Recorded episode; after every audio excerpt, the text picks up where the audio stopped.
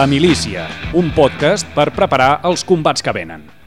Benvinguts a La Milícia. Us parla Josep Asensio. Un dia més, recordar-vos que podeu trobar tots els episodis a les diferents plataformes com iVox, Spotify o Apple Podcast i recomanar-vos que us subscriviu al lloc de la milícia a Substack, www.josepasensio.substack.com per rebre en primícia les actualitzacions del podcast i de tots els articles. Avui parlarem de les identitats, de com es construeixen, de la tribalització que s'està produint arreu del planeta i de com afecta la migració en tot aquest procés. Les identitats, nacionals, religioses, de gènere, de raça, ètniques i de classe, ocupen cada cop més espai en el debat públic des de fa ja unes dècades, fins al punt que s'ha dit que Donald Trump va ser el primer president en ser escollit en tant que home blanc. Encara que sigui una visió força estreta, el cert és que les formes d'aquest debat a Catalunya sovint són d'autores de les característiques de la societat nord-americana, cosa que distorsiona la manera com en parlem. Que l'últim llibre d'un autor tan influent com Francis Fukuyama, conegut pel seu vaticini sobre el final de la història, tracti precisament sobre la identitat, pot significar tant que el tema ja no doni més de sí, com que el futur de la democràcia passi per resoldre alguns dels conflictes que planteja. Per aquest motiu, he volgut aterrar el debat a partir d'un autor català, Said El Kadawi, a qui vaig conèixer gràcies a la Júlia Bacardit al podcast de les golfes, el qual us recomano des d'aquí. El Kadawi és un psicòleg català que ha publicat recentment Radicals, un llibre on reflexiona sobre la identitat a través de la seva experiència com a psicòleg i com a migrant, i toca conceptes tan en boga com el dol migratori, la violència jihadista, els traumes col·lectius i un llarg etc d'idees que es van presentant al lector de forma molt amena a partir de fragments que solen contenir vivències personals vinculades amb la seva feina, sobretot amb adolescents. Li preguntaré sobre els efectes de la migració a la nostra societat i com es relacionen amb el conflicte català, què n'opina sobre els anomenats mujahidins de Ripoll i si considera que el procés de tribalització global és irreversible.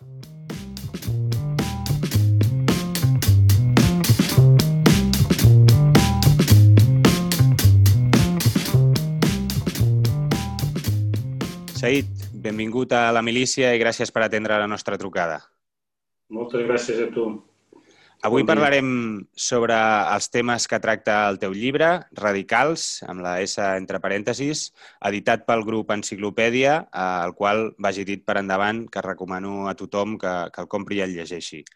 Aquest llibre és un tractat sintètic molt, molt acurat sobre la construcció de la identitat en base a experiències personals teves. Eh, Vas néixer al Marroc, a Ben Sidel, i vius a Catalunya des de que tens 7 anys, però també a partir de les experiències que t'has anat trobant al llarg de, de la teva carrera professional com a psicòleg. Eh, La gràcia del llibre, almenys per mi, és que aquestes experiències són el punt de suport que agafes per explicar conceptes eh, que són molt amplis, eh, jo diria que complicats, però que en el, en el teu llibre queden molt ben definits. M'agradaria començar per un d'aquests conceptes bàsics, al qual li vas posar en èmfasi al llarg del llibre. Un del quals és, et diria, què és el dol migratori? I l'altre seria per quines raons eh, podem parlar de dol incomplet, en aquest cas de, de la migració. Bueno, moltes gràcies per la invitació. El, el, aquest llibre el que més m'ha costat ha sigut la forma, ha sigut trobar-li una miqueta, fer com una mena de novel·la de no ficció, perquè ni no fer un assaig a l'uso, no? Dir, bueno, doncs això que em dius ja m'agrada, no? que s'entengui, que sigui... Ja, ja molt, tiro molt de lo vivencial també, de lo que m'explica la gent, del que diuen alguns altres escriptors i, i és un tema que he intentat mastegar. No? El tema del dol migratori, bueno, el dol com, com s'explica en el llibre, sempre que tenim... Fem, fem dols constantment, o microdols, no? perquè els canvis comporten dols. Vol dir, el canvi és, mentre et reajustes al canvi que vas vivint, aquest és el procés del dol. No? Vull dir, és el procés de reorganització de la nostra personalitat per fer, quan fem front als canvis. Llavors, com que el més conegut dels dols és quan se'ns mor algú. Dir, tothom parla del dol, no? Vull dir, estàs de dol, necessites un temps, abans inclús estava una miqueta més més estipulat, es vestia d'una manera... Es... I ara fem com, com podem, sense tant de ritual, però, però els dols existeixen. Llavors, el dol, clar, la migració és un gran canvi, un gran canvi vital. És, i, I el dol migratori, mm, doncs, és, és, això en parla molt i molt bé, va ser un dels primers el José Bachoterri, que és un psiquiatre, un psicoanalista que viu aquí a Barcelona i és d'origen basc. Llavors, i quan parla del dol migratori, diu bueno, que, és un dol complex, perquè és parcial, és recurrent i és múltiple. Parcial perquè, clar, quan se'ns mor algú, fem el dol per algú que ha mort, que ha desaparegut. Però quan canviem de país o quan canviem de... quan emigrem, no ha desaparegut el país. Tu has desaparegut del país, però el país continua allà. Uh -huh. És recurrent, és recurrent en el moment en què si no cada dia, moltes vegades al dia, pots trobar pensant pensant-hi, o quan et trobes una persona, doncs, no sé, vas pel carrer i et trobes un marroquí, o quan parles amb la família, o quan llegeixes notícies del país, o quan no, cadascú del seu país. No? He dit el Marroc per, per posar un exemple. Per tant, és recurrent, ja no, no s'acaba mai, no? i sempre estàs connectat, o pots estar connectat amb aquest tema. I és múltiple perquè fas el dol per moltes coses, no només pel, doncs, per, la, per, la, per la llengua, per la família, pel paisatge, per les cultures, per, fas el dol per moltes coses. I llavors, eh, en aquest cas, eh, jo vaig llegir també un llibre d'un autor que, que surt al teu llibre, que és uh, Bamik Volkan, eh, que parlava d'això, de, de, del dol incomplet, no? que tu també, que també en parles al llibre. Eh, clar, en el cas de, de quan mor una persona, no? un dol incomplet és quan no acabem de superar, no? i en el seu llibre, el, el Volcan, eh, doncs, explica tota una sèrie de casos, doncs, fins i tot des d'algú que segueix parlant amb aquella persona o que, bueno, experiències que, que s'havia trobat. En el cas de la migració, eh, què significa un dol incomplet que no s'acaba de fer? Els grans dots sempre, o sigui, o sigui, quan se'ns mor el pare, la mare, vull dir, són dols que no, que no marxen mai i per anar bé tampoc han de marxar. Vull dir, tu pots estar en contacte amb, amb la gent i, i pensar-hi, i, però quan es diu incomplet és quan, en el cas de la migració, per exemple, doncs que tu no hagis fet tot el, tot el camí dient, ostres, he canviat de país. I què vol dir he canviat de país? Vol dir no només que m'he traslladat, he traslladat el meu cos d'un país a un altre, sinó vol dir que ostres, els meus fills, a lo millor la llengua del país d'origen no la parlaran molt bé, o a lo millor no estic lluny de la família, per tant no tractaran molt amb els, amb els avis, no? O per tant, no, vull dir, assumir-ho, i assumir-ho no vol dir ja està, ja, ja s'ha acabat, ja he acabat de fer el dol, ja ho tinc clar, ja, sinó que però si no, si no fas aquest procés de que has canviat, que aquest canvi comporta altres canvis, et quedes com petrificat o rígid intentant que no canvi res. I aquesta lluita perquè no canvi res és una lluita infructuosa, que, no, que, no, que, no, que només porta al patiment. Mm. O sigui, el psiquisme sempre va per darrere del cos, a vegades. Tu fas el canvi i el, i el cap necessita un temps per assumir-ho. Però que necessita un temps és normal, però si es dilata molt en el temps, doncs clar, vol dir que tu, pots, que tu estàs vivint, per exemple, hi ha una cosa que, que passa dins d'aquest tema de la, de la migració és que és un tema fins i tot clínic, és la provisionalitat i que té a veure amb el que vol dir la paraula provisionalitat. Vol dir, si tu no has fet el dol, vius en aquest país de forma provisional, no? I llavors què faràs? Doncs et construiràs la millor casa allà en el país d'origen, pensaràs en decorar la teva casa d'allà, pensaràs en que... O sigui, tot, estaràs molt connectat amb l'allà i aquí aniràs fent, no? La casa es pot anar caient i tu dient, bueno, m'estalvio aquests diners i, i, i saps què? Faré, arreglaré aquella casa millor, que ja veuràs quan torni, quan hi vaig.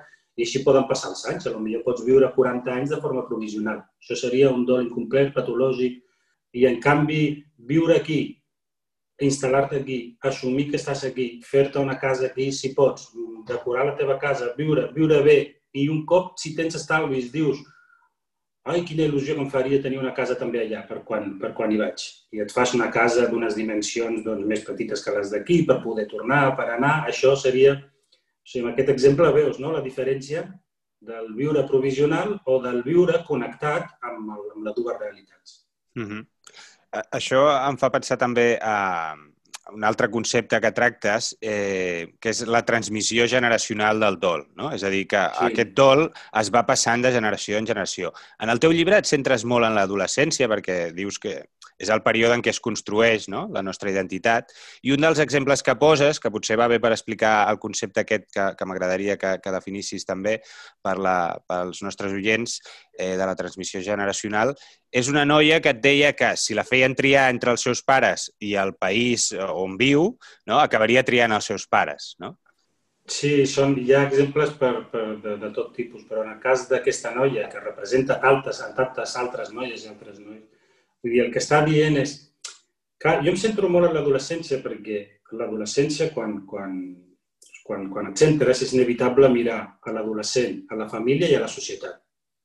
Perquè l'adolescent encara està, o sigui, comença a cristal·litzar, a ser conscient de que és algú en aquest món diferenciat, que té una personalitat, que té però que és molt depenent d'aquestes potes, de la família i la societat. Per molt que l'adolescent a vegades es presenta com algú que ja sap, que ja té, però una cosa defensiva. Quan parles amb ells, bueno, i veus que a més és una cosa biològica, vull dir, s'estan construint. Per això m'interessa molt aquest, aquest, focalitzar aquí perquè em permet parlar de la societat i dels pares. Llavors, clar, el que jo dic és, si, si nosaltres assumim que aquests adolescents o aquests fills dels migrants són ciutadans d'aquí són ciutadans nostres i que, per tant, nosaltres, quan hem, hem, de, hem de veure que aquesta gent té unes necessitats, el que farem serà cuidar, la, cuidar el nostre llenguatge, o sigui, la formació, la, perquè no posem a l'adolescent en la tesitura d'haver de triar entre l'origen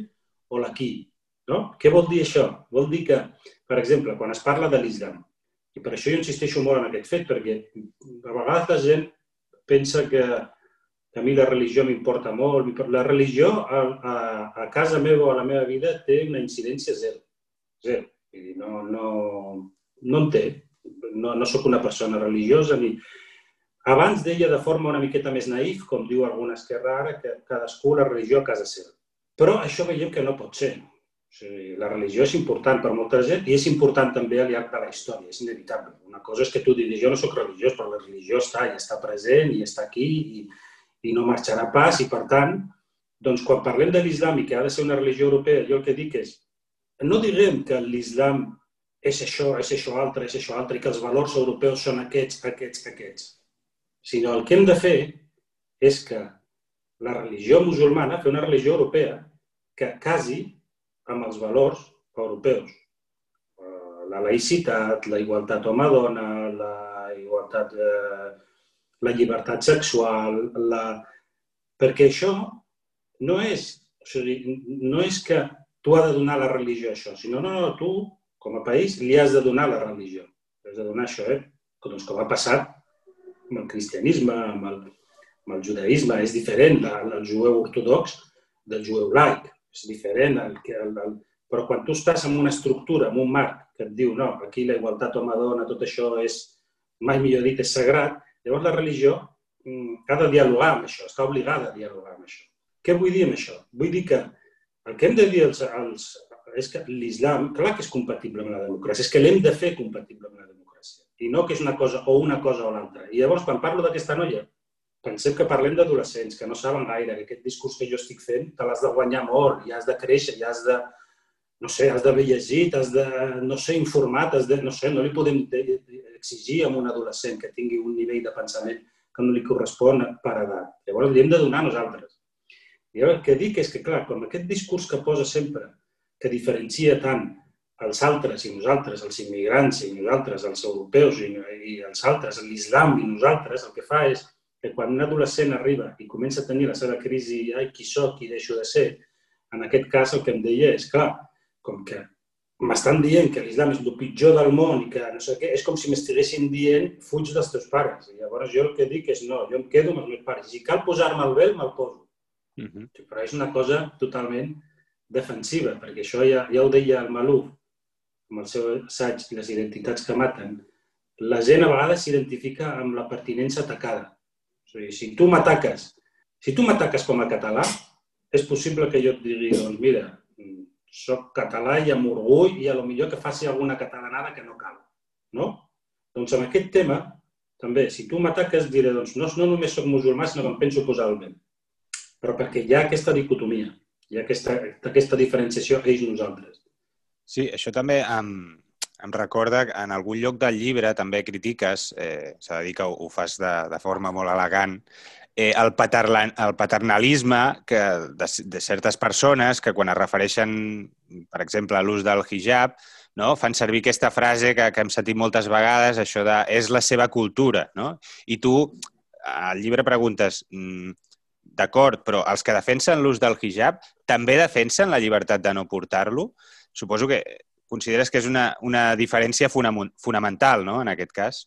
És que és, és, que és... Mira, jo a vegades soc, soc, igual que en el llibre, dic, focalitzo en el tema des d'aquí, com a marroquí, musulmà, emigrat, i, i llavors per fer autocrítica, malgrat que a mi no em defineix gaire la religió, però bueno, jo he nascut en un context musulmà, m'han transmès un, un, un islam que no està gens malament, però també m'han permès diferenciar i dir als meus pares, a mi no, la religió no ocupa gaire, gaire lloc, però al final del llibre dic que miro des d'aquí per fer autocrítica. Llavors, ara quan diré això de l'esquerra política, ho dic des de l'autocrítica, no des d'un tio de dretes que et diu mira, és que ells... No? Vull dir que ho dic des de crítica, des del meu espai polític, que és l'esquerra política. Mm -hmm. En aquest tema trobo que estem a les beceroles. Vull dir, quan diuen la llibertat, quan, quan es defensa aquesta cosa de, que des d'algunes posicions, de, des d'alguns partits d'esquerres o des d'algunes posicions d'esquerra, defensen això, de veritat que saben molt poc de l'esquerra àrab, per exemple. Saben molt poc, o saben molt poc de la lluita feminista de la Nawal Sadawi, per posar un exemple, o de la Malika Mohaddam, o de la Fatima Mernissi, o d'altres que altres ara contemporanis, o sigui, saben molt poc d'això, perquè o sigui, és com si jo els digués, amb aquests que fan aquest discurs, és dir, és, la dona és lliure de divorciar-se o no, de decidir si té, si pot tenir dret a divorciar-se o si li dona aquest dret al marit. No? És la llibertat individual. Cada dona que faci el que vulgui. A quin sentit té això?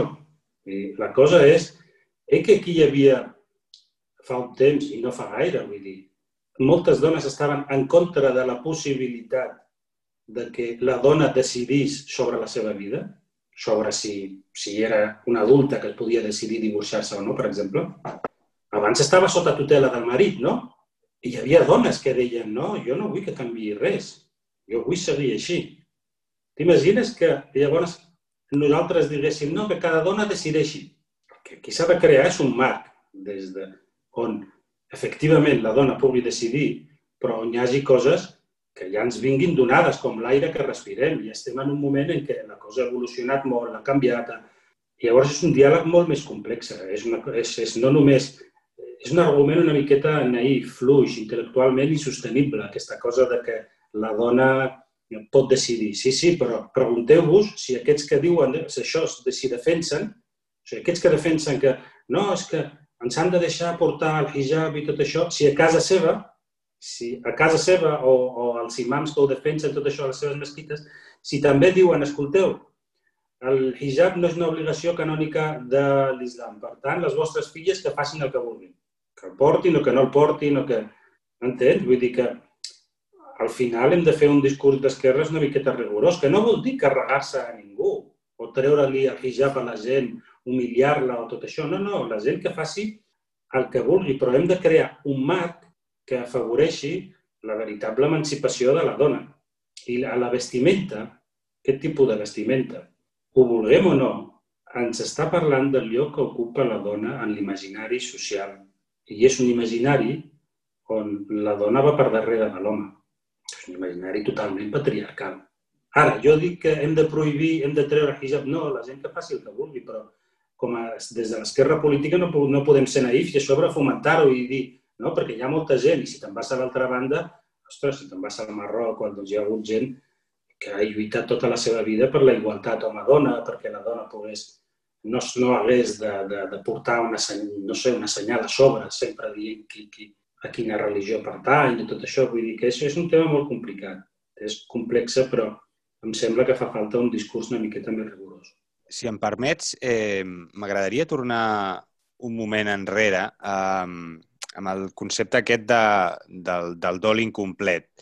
Eh, com et deia, quan vaig parlar, ai, quan vaig llegir el llibre aquell de, de Bamic Volcan, eh, també em va fer pensar en aquesta idea, em va fer pensar també en la migració. No?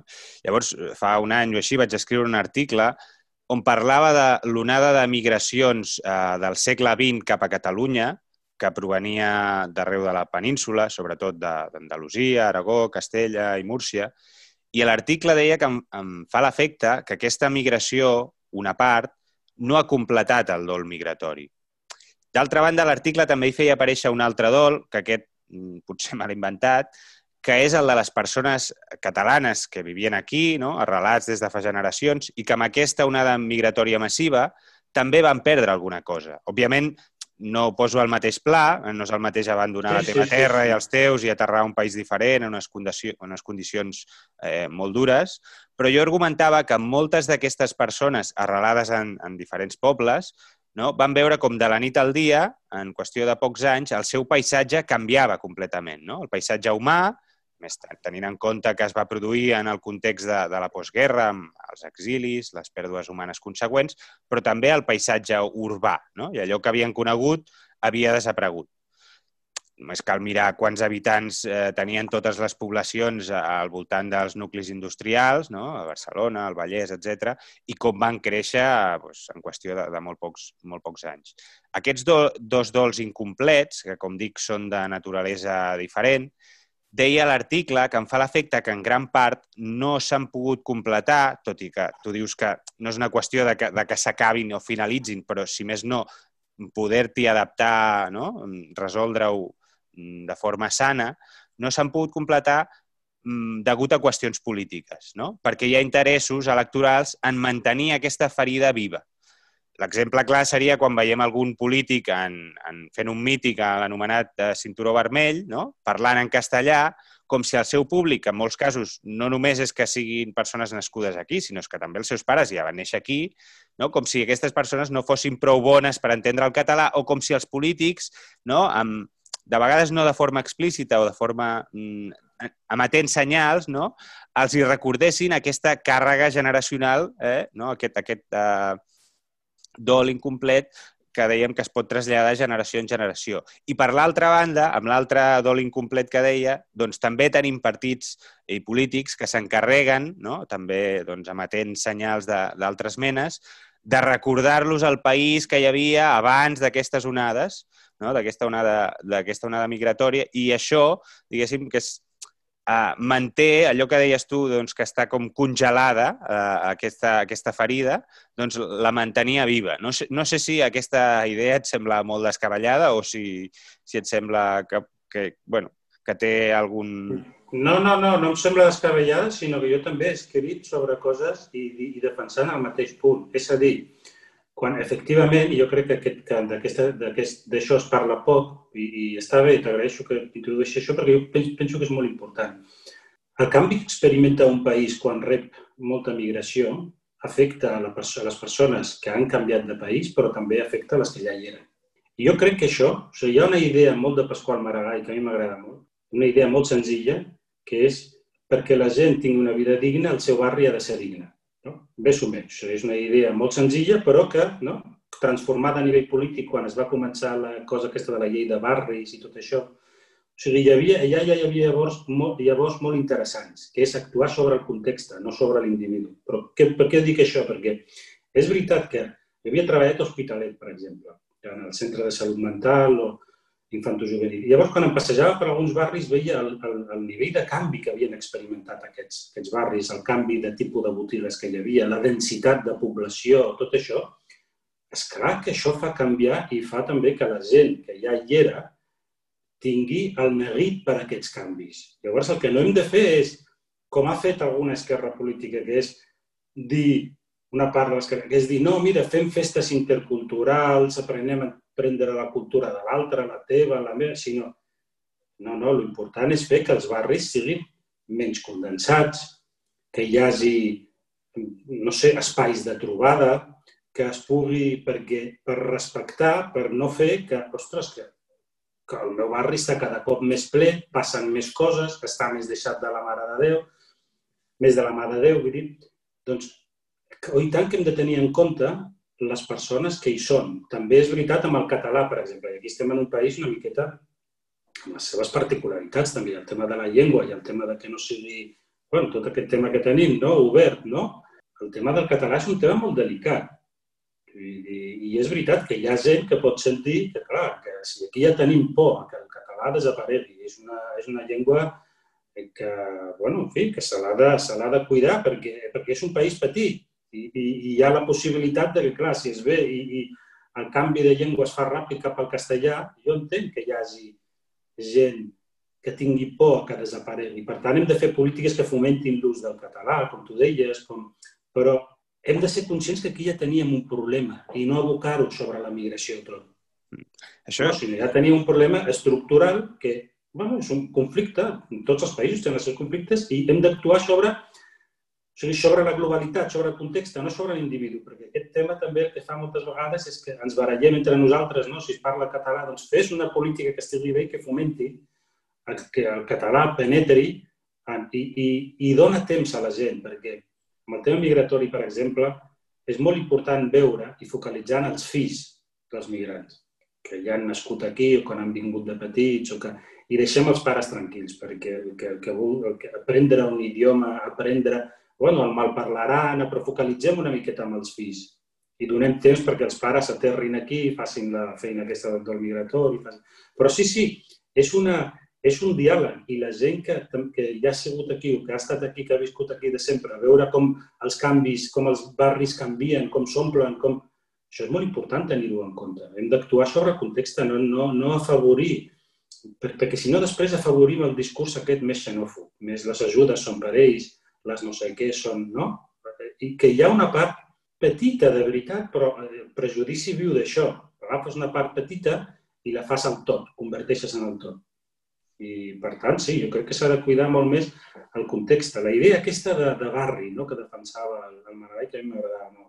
Ho deia també perquè, clar, llegint el, el teu llibre, eh, clar, m'ha fet pensar en l'altra gran onada migratòria cap a Catalunya, que ha sigut a l'època moderna, és la que ha tingut lloc als anys 2000, no? que en aquest cas doncs, és sí. d'origen més llunyà, o sigui doncs, el Magreb, siguin països de l'est d'Europa, uh, etc. La qüestió és que aquí llavors ens trobem com una mena de triangle. No? Per una banda tenim el dol migratori d'aquests emigrants més recents, per l'altra tenim els dos migratoris els dols migratoris incomplets que comentàvem ara mateix, i per últim, en aquest triangle jo hi afegiria un element que tu bueno, has comentat una miqueta, que em sembla que, almenys per part meva, no seria honest, honest si no en parléssim, que és, que és la subjugació de la identitat catalana sota de l'espanyola, per dir-ho així. És a dir, tu quan al teu llibre comentes el treball de Tahar Benjelun, expliques que la persona que migra per evitar l'angoixa del trànsit es tranquil·litza duent amb ell elements de la seva cultura. No? L'anomena la maleta invisible.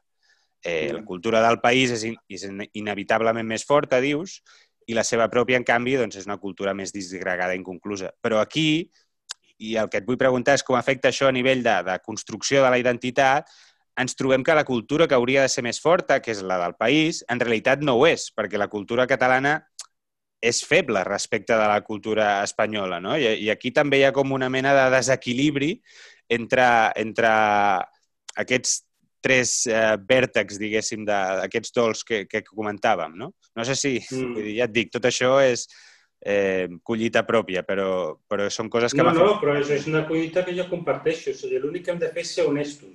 Ser honestos en el sentit de que no depositar a, a això que ja tenim aquí, aquesta feblesa de la que tu parles, aquesta, o aquesta singularitat no, de Catalunya, Eh, el fet de la coexistència de dos idiomes, el fet de que hi ha un procés obert i que està obert de fa temps, no només amb el procés, amb el darrer procés d'ara, sinó que ha, vull dir que el darrer procés doncs, és un símptoma més de que hi és un conflicte que està i que va naixent, renaixent. Un conflicte, ho dic sense cap, sense cap connotació negativa. Jo penso que els conflictes en les societats són ben normals i que aquí el que s'ha de fer és doncs, posar-los sobre la taula, dialogar, veure quina solució tenen i que la política, per anar bé, per anar bé, la política, que és la gestió de la cosa comuna, és això, no hem d'oblidar l'origen. O sigui, la funció seria aquesta, seria veure, ostres, doncs mira, va, aquí hi ha un conflicte, com... però aquest, aquesta cosa que tu, que tu dius, que és així, jo l'únic que dic és que, clar, i hi haurà, per exemple, per part d'un nacionalisme, d'una part del nacionalisme català, per exemple, sobretot, sobretot, ho focalitzo en Convergència i Unió, d'abans que jo he viscut i que he patit també, no? d'alguna manera, no? és un discurs que a mi no m'agrada en absolut, que és carregar les tintes contra els que venen de fora, perquè que si no parlen, que si no en saben, que si no sé què, focalitzar molt aquí en comptes de no fer trampes i dir no, no, és que aquí ja teníem un problema que ara li estem carregant amb aquests senyors que acaben d'arribar. Si fos un problema resolt, aquestes persones que acaben d'arribar no els diríem que, que si parlen aquest idioma parlen l'altre. Per tant, tenim aquí un problema i el que hem de fer és assumir-ho i que sigui una cosa de tots, també dels que arriben, però no carregar-ho sobre els que arriben, perquè és, això és, és molt injust. No? Ara, dit això, clar, el, te el tema del català o el tema de quan una nació no, no pot ser o no és eh, reconegut, en fi, no té el poder d'una nació, de, de les antigues, no? Clar, quan no té poder, només li queda un poder, que és el poder de la seducció. Mentre, mentre no arribi l'altre poder, que és el dret a decidir i tot això, és el poder de la seducció. O sigui, és, és que no, no queda un altre. Quan, un, quan, quan, quan no tens el poder d'imposar, o el poder de legislar, o el poder de dir... És el poder de la seducció, és fer que el, que, que el català entri de la millor manera possible. És pensar en, no sé, en coses estructurals de barri, de, no sé, de, de, de, els voluntaris per la llengua, per exemple, eh, no sé, els centres cívics a lo millor es podrien fer coses, vull dir, coses de seducció, la gent entri seduïda i, i perquè quan l'assenyalem a aquesta gent que no parla català, el que fomentem és la, la, una, una part més defensiva. Quan assenyalem o carreguem molt les tintes, la gent passa una cosa que a mi em fa molt greu, és que al final té una baralla amb el català que sobreafegida, que no l'hauria de tenir. Llavors, no ens queda un altre, perquè és veritat, el català està en una situació de debilitat. Tampoc eh, volia centrar eh, la nostra conversa en això. El que passa que són, són idees que, que m'anaven venint més que res justament per això, no? perquè al final, eh, quan parlem de, de... Tu parles en els adolescents que, doncs que per créixer, diguéssim, eh, en general hi ha com uns mecanismes, no?, eh, que expliques dos mecanismes eh, quan hi ha un, un buit identitari o, o un gran nivell de contradicció interna, no?, eh, sí. que, que són la hiperadaptació i el tancament, no? Eh, sí. I, i en, en, això és el que, així és com els anomena Bechkart, i en canvi Salman Akhtar eh, en diu doncs, l'assimilació contrafòbica i la retirada etnocèntrica. I em sembla interessant perquè a la societat catalana crec que, que, que veiem aquests, uh, aquests mecanismes defensius a tots nivells. No? Mm, clar, aquests dies és inevitable parlar també, uh, aquests dies eh, s'estan s'estan jutjant els, uh, els atemptats de, del 17 d'agost. És un tema que tu al principi del llibre doncs, expliques que és un tema que et costa parlar-ne, no? que, que de fet, al principi doncs, és com que et tanques i no vols rebre trucades perquè és una cosa que, que et sents molt, molt propera. No?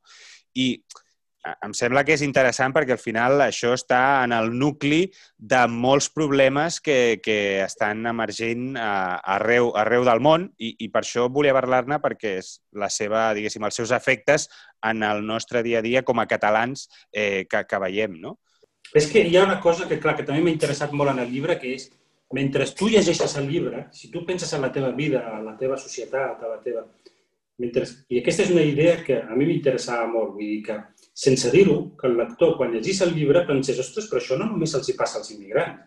No només passa perquè són mecanismes psicològics, socials, sociològics, que passen en molts contextos. Aquest, per exemple, de la hiperadaptació, del tancament, clar, el que passa que la immigració és com l'adolescència. La migració es veu molt clar Igual que amb l'adolescent el, el conflicte identitari es veu molt clar, amb la migració també es veu molt clar, però en altres llocs es pot veure menys clar, però existeix. Aquest tema de la hiperadaptació, clar, quan tu tens, quan, quan, i això ha passat al llarg de la història, sempre i en totes les societats, eh? quan, quan tens un conflicte sobre la taula de, mm, en què de coexistència, no? de coexistència entre parts teves, o sigui, si és difícil assumir quan, quan la societat et, presenta com una cosa difícil ser mm, musulmà, europeu, emigrat, no sé què, i això fer-ho compatible, totes aquestes parts teves, i, i demòcrata, tot això, el discurs que impera és que això que tu ets sembla que no pugui ser, no? O sigui, aquesta... Llavors el que tu fas és, ah, esclar, vull dir que l'islam la hiperadaptació què és? La hiperadaptació doncs, seria, escolta, a mi deixem-me d'hòsties, jo sóc català i no tinc res de marroquí, ni tinc res de musulmà, ni, tinc, ni sóc el més català de tots els catalans. Això seria la hiperadaptació. Oblidar aquesta part teva de que ha migrat, que no sé què. I el tancament és, no tinc res de català jo. El tancament seria jo continuo sent el marroquí que vivia al Marroc i que, I, i a més el vull mantenir. Per això doncs et vas tancant i et perds tot el ventall de possibilitats que que et propicia el canvi. Aquests dos mecanismes de hiperadaptació i el tancament poden passar en altres contextos. Per exemple, amb el tema català o amb el tema que tu deies de la migració d'altres llocs d'Espanya o d'altres, ho veiem perfectament. Hi ha gent que s'ha hiperadaptat a, a unes... Hi ha gent que s'ha tancat, hi ha gent que porta aquí 50 anys i no parla gota de català, per exemple. Mm -hmm. sí. Això això no només els hi passa a la gent que ve, no sé, d'altres països que parlen altres llengües o que, o que... I amb altres situacions socials que no tinguin a veure amb, la, amb, la, doncs, amb tots els canvis, no? Quan, si tu tens un canvi, no sé, per exemple, et cases, no? I, i llavors també pots fer el paper hiperadaptat del, del casat, no? Ara faig una miqueta de caricatura, que és, ja està, m'he casat i això vol dir que només haig d'estar per la meva parella, pels meus fills, per la meva feina, per no sé què, i t'oblides de que tens uns amics, de que tenies una vida, de que, de que, que estar casat i, i viure de forma àmplia l'amistat i tot allò com vivies abans, com si no fos compatible, no? Això seria la hiperadaptació. I el tancament seria, m'he casat però aquí no passa res, jo surto de festa tots els dies, eh, els fills ja me'ls cuidarà algú altre, ja, doncs això, o sigui, si amb qualsevol canvi pot passar. La gent que s'adapta bé a la situació o la gent que no s'adapta gens bé, llavors és quan hi ha aquests dos extrems. No? Tota l'estona que llegia el teu llibre eh, em recordava una lectura que vaig fer fa, fa un parell d'anys eh, que es diu uh, Tribalization, Why War is Coming, que és d'un belga que es diu Kurt de Beuf, segur que no ho pronuncio bé, i que en aquest llibre eh, l'autor ens ve a dir que el procés de fragmentació identitària és inevitable i que la globalització ha arribat a la seva fi i ho explica en termes psicològics. No? Per, justament per això doncs, eh, el teu llibre doncs, em feia ressonar moltes idees que ja havia llegit. No? Més, més que en, en termes econòmics o polítics, ho explica en termes psicològics. El que diu el, aquest aquest autor és que en un cert moment, ell, ell el situa en l'atemptat de les Torres Bessones, el món va patir com un trauma global, aquest trauma va anar seguit de la guerra de l'Iraq, que va marcar també un punt d'inflexió, després per la crisi financera de 2008, i a partir d'aquí el que hem vist, diu l'autor del llibre, és un procés de tribalització en curs en què les societats responen a la seva crisi d'identitat.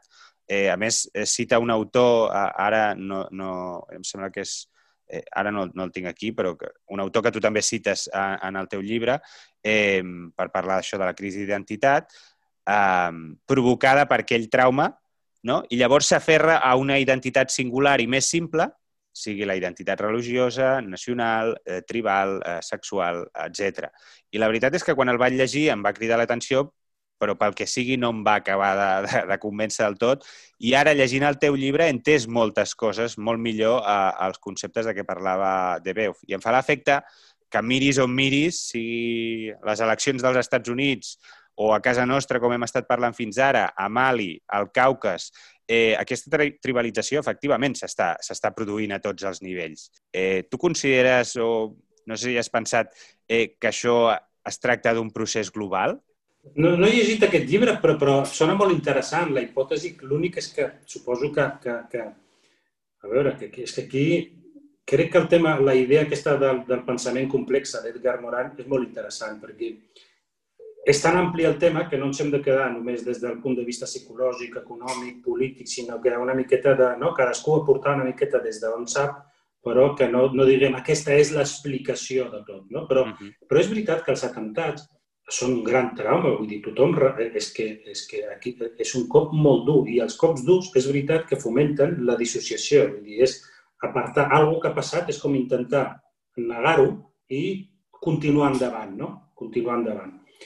I sí que afavoreix, sí que aquests, aquests, aquests traumes afavoreixen el trencament, o sigui, el trencament de la personalitat, el trencament de l'imaginari social, el trencament és un dels perills. Per això és tan important el tema dels dols, perquè el dol el que et permet és dimensionar el canvi que has viscut, viure'l, parlar-ne, plorar, eh, queixar-te, mm, per després assumir, introduir aquesta part que intentes dissociar, apartar, negar, assumir-la com que ha passat i no caure amb això que ell diu la tribalització, perquè jo crec que sí que és un dels perills la trivialització de la identitat, perquè Perquè, clar, et reclou en tu mateix i llavors crees la trivialització, en el fons, o sigui, la, la, no, la trivialització no, la tribalització. La, la identitat de clan, al final, en què consisteix és que hi ha uns nosaltres, el nostre clan, són molt bons i els de fora són molt dolents. O sigui, la, la identitat de clan el que intenta preservar és aquest nosaltres de forma rígida. Nosaltres som així, els altres són això. I això, per exemple, amb, amb els immigrants s'ha fet, o sigui, estem pagant el preu d'allò que va passar, no? perquè el, el, en fi, vull dir, sí, sí que sí que s'ha situat, estem situats en una lògica ells-nosaltres molt clara. I podria ser una explicació que és, que és, que és interessant, I, però enfront de la, de la identitat de clan o, o tribal, tenim la identitat ciutadana, que aquesta és la identitat que no hem de perdre. I el que tenim de bo a Europa als Estats Units, o dolent moltes coses, però tenim clarament és la democràcia. I la democràcia l'hem d'intentar preservar. I la democràcia què és? És la pluralitat, també. És, és lluitar perquè aquesta pluralitat, en fi, no, no caure en una identitat de clan, no? sinó veure'ns com a ciutadans, com a ciutadans amb, amb aquesta frase famosa que es diu sobretot des de la dreta, amb, un, amb, un, amb drets i deures, però és veritat, amb drets i deures. Vull dir, ser ciutadà comporta, uns, comporta renunciar una miqueta a la teva identitat de clan. O sigui, és afavorir la democràcia, perquè, perquè això que ens ha passat aquí, aquest trauma enorme i que, i que aquest, aquest pensador diu que acaba amb, amb una identitat molt tribal, però això és el pa nostre de cada dia a molts llocs del món. Que passa, clar, com que no són el nostre món, o no és el món des del que mirem, però si tu mires, per exemple, a l'Àfrica o el, la, la, la, les successius traumes imparables que han tingut i que mm, no han cristal·litzat, perquè els traumes també, recordem una cosa, si es fa una bona elaboració poden cristal·litzar amb, doncs, com, com va passar aquí, després de que ens matéssim aquí a Europa, l'Holocaust i tot això, va arribar una gent i un, una societat de després que va dir això que no torni a passar mai més. I van dir això, o sigui, que això és conseqüència del trauma també, però una, és l'elaboració del trauma. Llavors, molt bé, què podem fer perquè no passi mai més? Bueno, I bé, la part més lluminosa d'Europa, no? la construcció no? democràtica de les societats. Això. Doncs, si mirem altres llocs, com que no han pogut fer aquesta elaboració del trauma, hi ha una, una identitat tribal i, i en fi, dir, que no, que no té solució. Parlant també d'atemptats, eh, com dèiem abans, eh, aquests dies doncs, estan, estan jutjant els, els eh, atemptats del 17 d'agost de 2017. En el teu llibre fas esment d'un llibre que es diu eh, El perdedor radical, de Hans Magnus Enzensberg, Enzensberg que diu que no hi ha diferència entre l'autor d'una matança, eh, jo diria, com, per exemple, com la que va tenir lloc a Nova Zelanda fa uns mesos, no? on un home va entrar armat en diferents mesquites i va matar desenes de persones, amb la persona, amb la violència de la persona que s'immola en un mercat. Eh, llavors jo et preguntaria per, perquè els nostres oients se'n puguin fer una idea. Què és el que tenen en comú aquestes violències? Ell el que diu és que el perdedor radical és el que intenta és, en un context on sent, per exemple, aquest que va a, va a la mesquita i mata la gent, no? doncs aquest, el que, el, com es viu a si mateix a la seva societat, és la meva societat està en perill, la meva identitat està en perill per culpa d'aquests. Llavors, jo vaig i me'ls carrego. I el que diu l'exemple és aquesta persona fràgil, perquè aquest pensament és un pensament fràgil, molt pobre, molt, s'agafa i vehiculitza la seva, la seva violència a través d'una idea social que diu eh, que aquesta gent ens està colonitzant, ens està intentant imposar els seus valors. No? I això té el mateix, és, és el mateix que fan el, el radicalisme musulmà.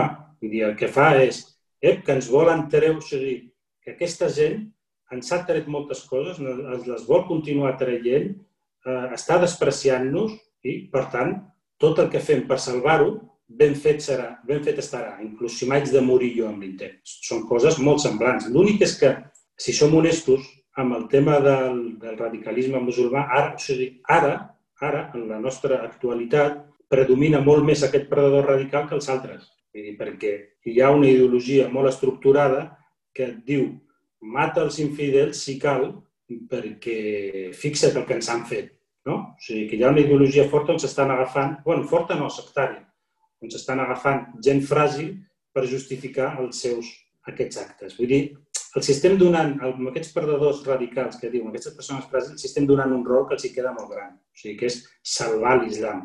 O l'altre, en l'altre cas, és salvar el teu país d'aquests musulmans. No? Tenen coses en comú. Sí.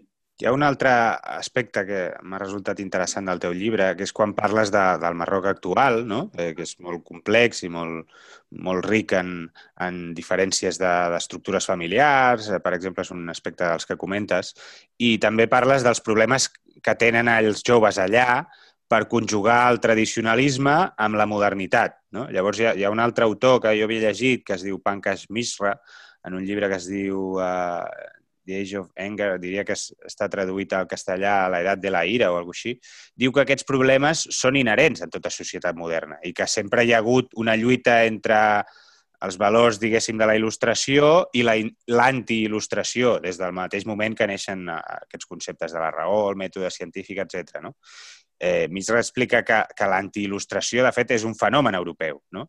I tu al llibre et queixes eh, que, en canvi, quan, quan parlen d'aquests problemes, els analistes, eh, els analistes occidentals sobretot, ho tracten com un conflicte entre Orient i Occident, quan Occident. en realitat m'agradaria que, que, que desenvolupessis aquesta idea, perquè també m'ha resultat... No, és que, és que aquí quan, quan parlem de conflicte cultural, que es fa sovint, és reduir la cultura dels altres en una cosa molt petita, tribal, quan parles de la cultura de l'immigrant, quan parlen del xoc cultural, la, la idea bàsica que hi ha de sota és que l'immigrant porta una cultura tribal i nosaltres tenim una cultura tenim una cultura complexa, àmplia, una cultura més de ciutadà, més, de, no? més, més, més moderna. No? Llavors, clar, el que jo dic és, no, com diu aquest autor, són conflictes inherents a totes les societats. L'única diferència, i aquí sortim guanyant a Europa, l'única diferència és que aquest diàleg tradició-modernitat no es pot vehiculitzar tan bé al Marroc com aquí, perquè l'estructura política és una altra, és molt diferent. I en què es diferencia? En què aquí intentem ser una democràcia imperfecta. Jo ho sé, jo no sóc aquí un defensor de que a Europa estem aquí fantàsticament bé, però aquí es pot parlar, es pot discrepar, es pot... O sigui, l'estructura política és el que marca aquest diàleg. I com que l'estructura política no, no afavoreix aquest diàleg, tradició-modernitat, la gent s'ho ha de fer sola a casa. Llavors hi ha conflictes que queden grans, queden grans a la gent, perquè, clar, estem en el món que estem, és que això no ho hem d'oblidar. Estem al segle XXI on la gent veu altres societats, altres maneres de fer. Internet et facilita, bueno, abans eren les antenes parabòliques, ara és internet que estàs en contacte amb com es viu a altres llocs, com a, el, els joves tenen un maneig eh, molt fàcil de la tecnologia, són conscients d'en quin món viuen. Llavors, aquest jove que és conscient del quin món viu i que voldria viure no? amb, amb, no sé, ser lliure, decidir la seva vida, tenir una feina digna, etc etc, entra en col·lusió amb una societat més tradicional que li diu no, no, ostres, que això que tu estàs pensant és molt, és molt perillós, perquè nosaltres el que hem de fer és mantenir els nostres valors, hem mantenir, en fi, la cohesió familiar, perquè la cohesió familiar als països pobres, per exemple, depèn de que cadascú faci la seva funció. És a dir, que el fill gran cuidi els pares, de que el germà cuidi de la germana, de que... perquè si no, la societat ve cap a baix, o sigui, perquè no hi ha infraestructura no hi ha, per exemple, no tothom pot disposar de jubilacions, no tothom pot disposar de, de residències o de, de llars per cuidar la gent gran. No? I llavors, clar, no, no, el, el pensar en tu mateix, amb el teu desig individual, és vist com un perill, perquè és com si tu, pensant en la teva vida, o sigui, des d'un de, des punt de vista modern, el que estàs posant en perill és a tota la resta del grup. I què faran els pares si els joves només pensen en la seva vida, per exemple? No? en fer la seva. Qui els cuidarà amb ells? Llavors és un diàleg, és un diàleg que està en totes les societats, però que es vehicula millor i es, pot, i es posa sobre la taula millor amb les societats democràtiques, perquè donen més oportunitat perquè la gent ens puguem emancipar, puguem pensar en els nostres desitjos individuals, puguem separar-nos de les famílies, perquè hi ha més infraestructura. Tot i així, aquí patim molt, perquè hi ha molta gent que no pot pensar tampoc en, tan lliurement, no? No, és que jo vull això i faré sinó que ha de pensar també en la família que té, en com sostenir-la. Com... Doncs si aquí és difícil, imagineu, amb les societats que no són democràtiques, països que no, no, on hi ha un índex d'atur enorme, on hi ha un índex d'analfabetisme molt gran, on hi ha... O sigui, la diferència és, és aquesta. No és una diferència cultural, sinó és una diferència, és una diferència eh, social, política, econòmica i que, per suposat, clar, que també hi ha elements culturals. No? Bé, eh, no et robaré gaire més temps perquè perquè ja portem una bona estona i sé que doncs, tens, tens coses a fer. Eh, sí que m'agradaria, per acabar, eh, una, una última reflexió. El tema de, la, de les identitats, eh, ho dèiem abans també, és, és, ha guanyat molta, molta pes en, en, en el debat polític, en el debat públic, no? Eh, identitats de, de tota mena, siguin nacionals, religioses, ideològiques, eh, de, tot, de tot tipus, no? Eh, normalment, o de vegades eh, es situen en aquest debat en termes eh, d'opressió, no? de greuges. I llavors jo voldria que, perquè tu també al final del llibre eh, expliques, eh, que això abans em sembla que en parlàvem, que si fossis un cristià europeu, doncs t'hauries centrat més en l'autocrítica de la teva pròpia identitat cultural, mmm, perquè si bé eh, la ideologia islamista viu del victimisme no? i de falsejar la història per posar èmfasi en els seus traumes, això no treu que les ferides existeixin realment. No? Llavors, eh, a mi m'agradaria, si poguessis fer una pinzellada de com es pot casar eh, aquest greuge real, no? percebut, eh, de, de diferents tipus d'identitats, amb eh, el fet de, diguéssim, de, de, de que no s'utilitzin com, a, com a arma eh, per, eh, per tribalitzar-les, per dir-ho així. Sí, aquest, aquest, clar, aquest és un gran... O sigui, aquest, aquest és, és un gran debat, no? De dir, és que, clar, el, el, hi ha ferides, com, com, i això també ho dic en el llibre arrel d'una exposició d'un artista que es diu Javier Atia, que va fer una exposició molt maca aquí al, al Museu Miró, que ell intentava equiparar el, el dolor fantasma de les persones amputades, no? saps que quan, la, quan, quan experimentem una amputació d'una part del nostre cos hi ha un dolor que es diu dolor fantasma, que és que sense tenir aquesta part del cos, tu no tens el braç, però en canvi sents el que et fa mal. No? Això és ben curiós, eh? però això existeix, a nivell orgànic existeix. Vull dir, no tens braç, però sents el dolor del braç. Això és ben curiós. Llavors, clar, ell que feia és un diàleg entre aquest dolor fantasma si a nivell social també existeix. Clar, què vol dir a nivell social? Vol dir que els traumes del passat que nosaltres, com a ara, com a jo, com a Saïd, no he viscut, no he vist, però els traumes del passat poden ser, poden deixar el pòsit d'un dolor fantasma. Si no s'ha elaborat, si no s'ha reparat, si no s'ha... Clar, per això és tan important la reparació, no? Vull dir, això la gent ho pot entendre perfectament. Si, si nosaltres aquí, no, l'Holocaust, no haguéssim reconegut, no, Alemanya, no haguéssim reconegut que ha existit que s'ha matat a gent injustament, que els jueus s'han patit, que els gitanos s'han patit, que la gent amb, amb greus, amb, amb discapacitats físiques. O sigui, si no haguéssim reconegut no, aquella tragèdia, no haguéssim creat res, sinó que haguéssim fet el dolor més gran de molta gent. No haguéssim contribuït a que la ferida s'agnés menys, sinó s'agnaria més. Llavors, clar, aquest model de reparar els traumes passats és molt important, és molt important. És a dir, per exemple, amb les colonitzacions, no? Si tu has colonitzat un país, l'has partit per dos, per tres, per quatre, per cinc, i n'has marxat després perquè t'han fet fora i no sé què. Ara estem en un moment en què hem de dir, hòstia, jo va ser una colonització, disculpeu, no? O sigui, hi ha d'haver una reparació. Perquè, precisament per fugir de la identitat victimista, perquè aquestes ideologies viuen del victimisme ens han robat, ens han tret, ens maltracten, ens no sé què.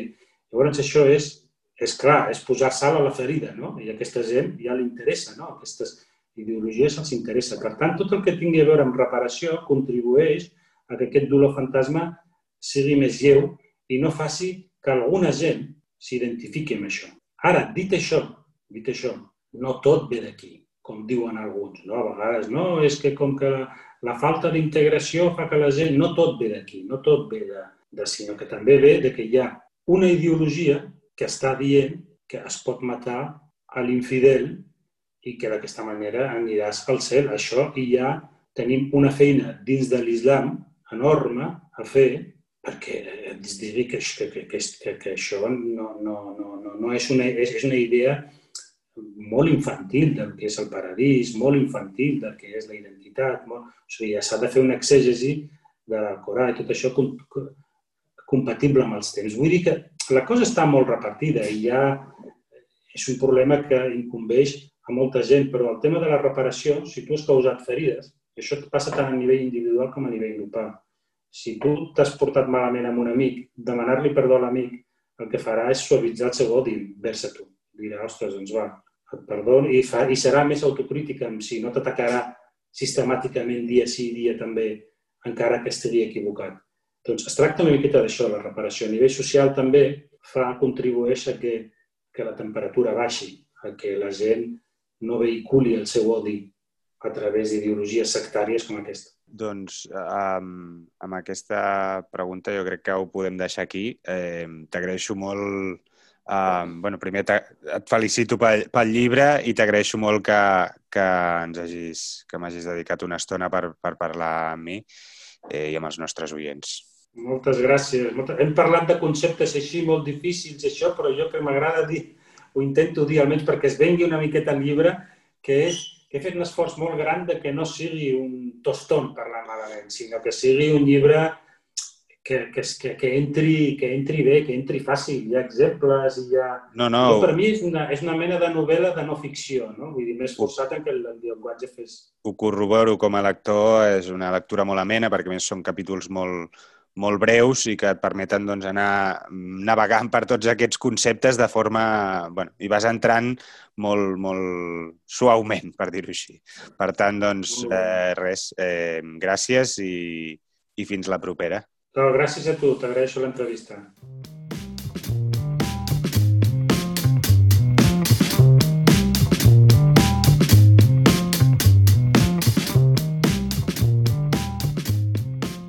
La milícia, amb Josep Asensio.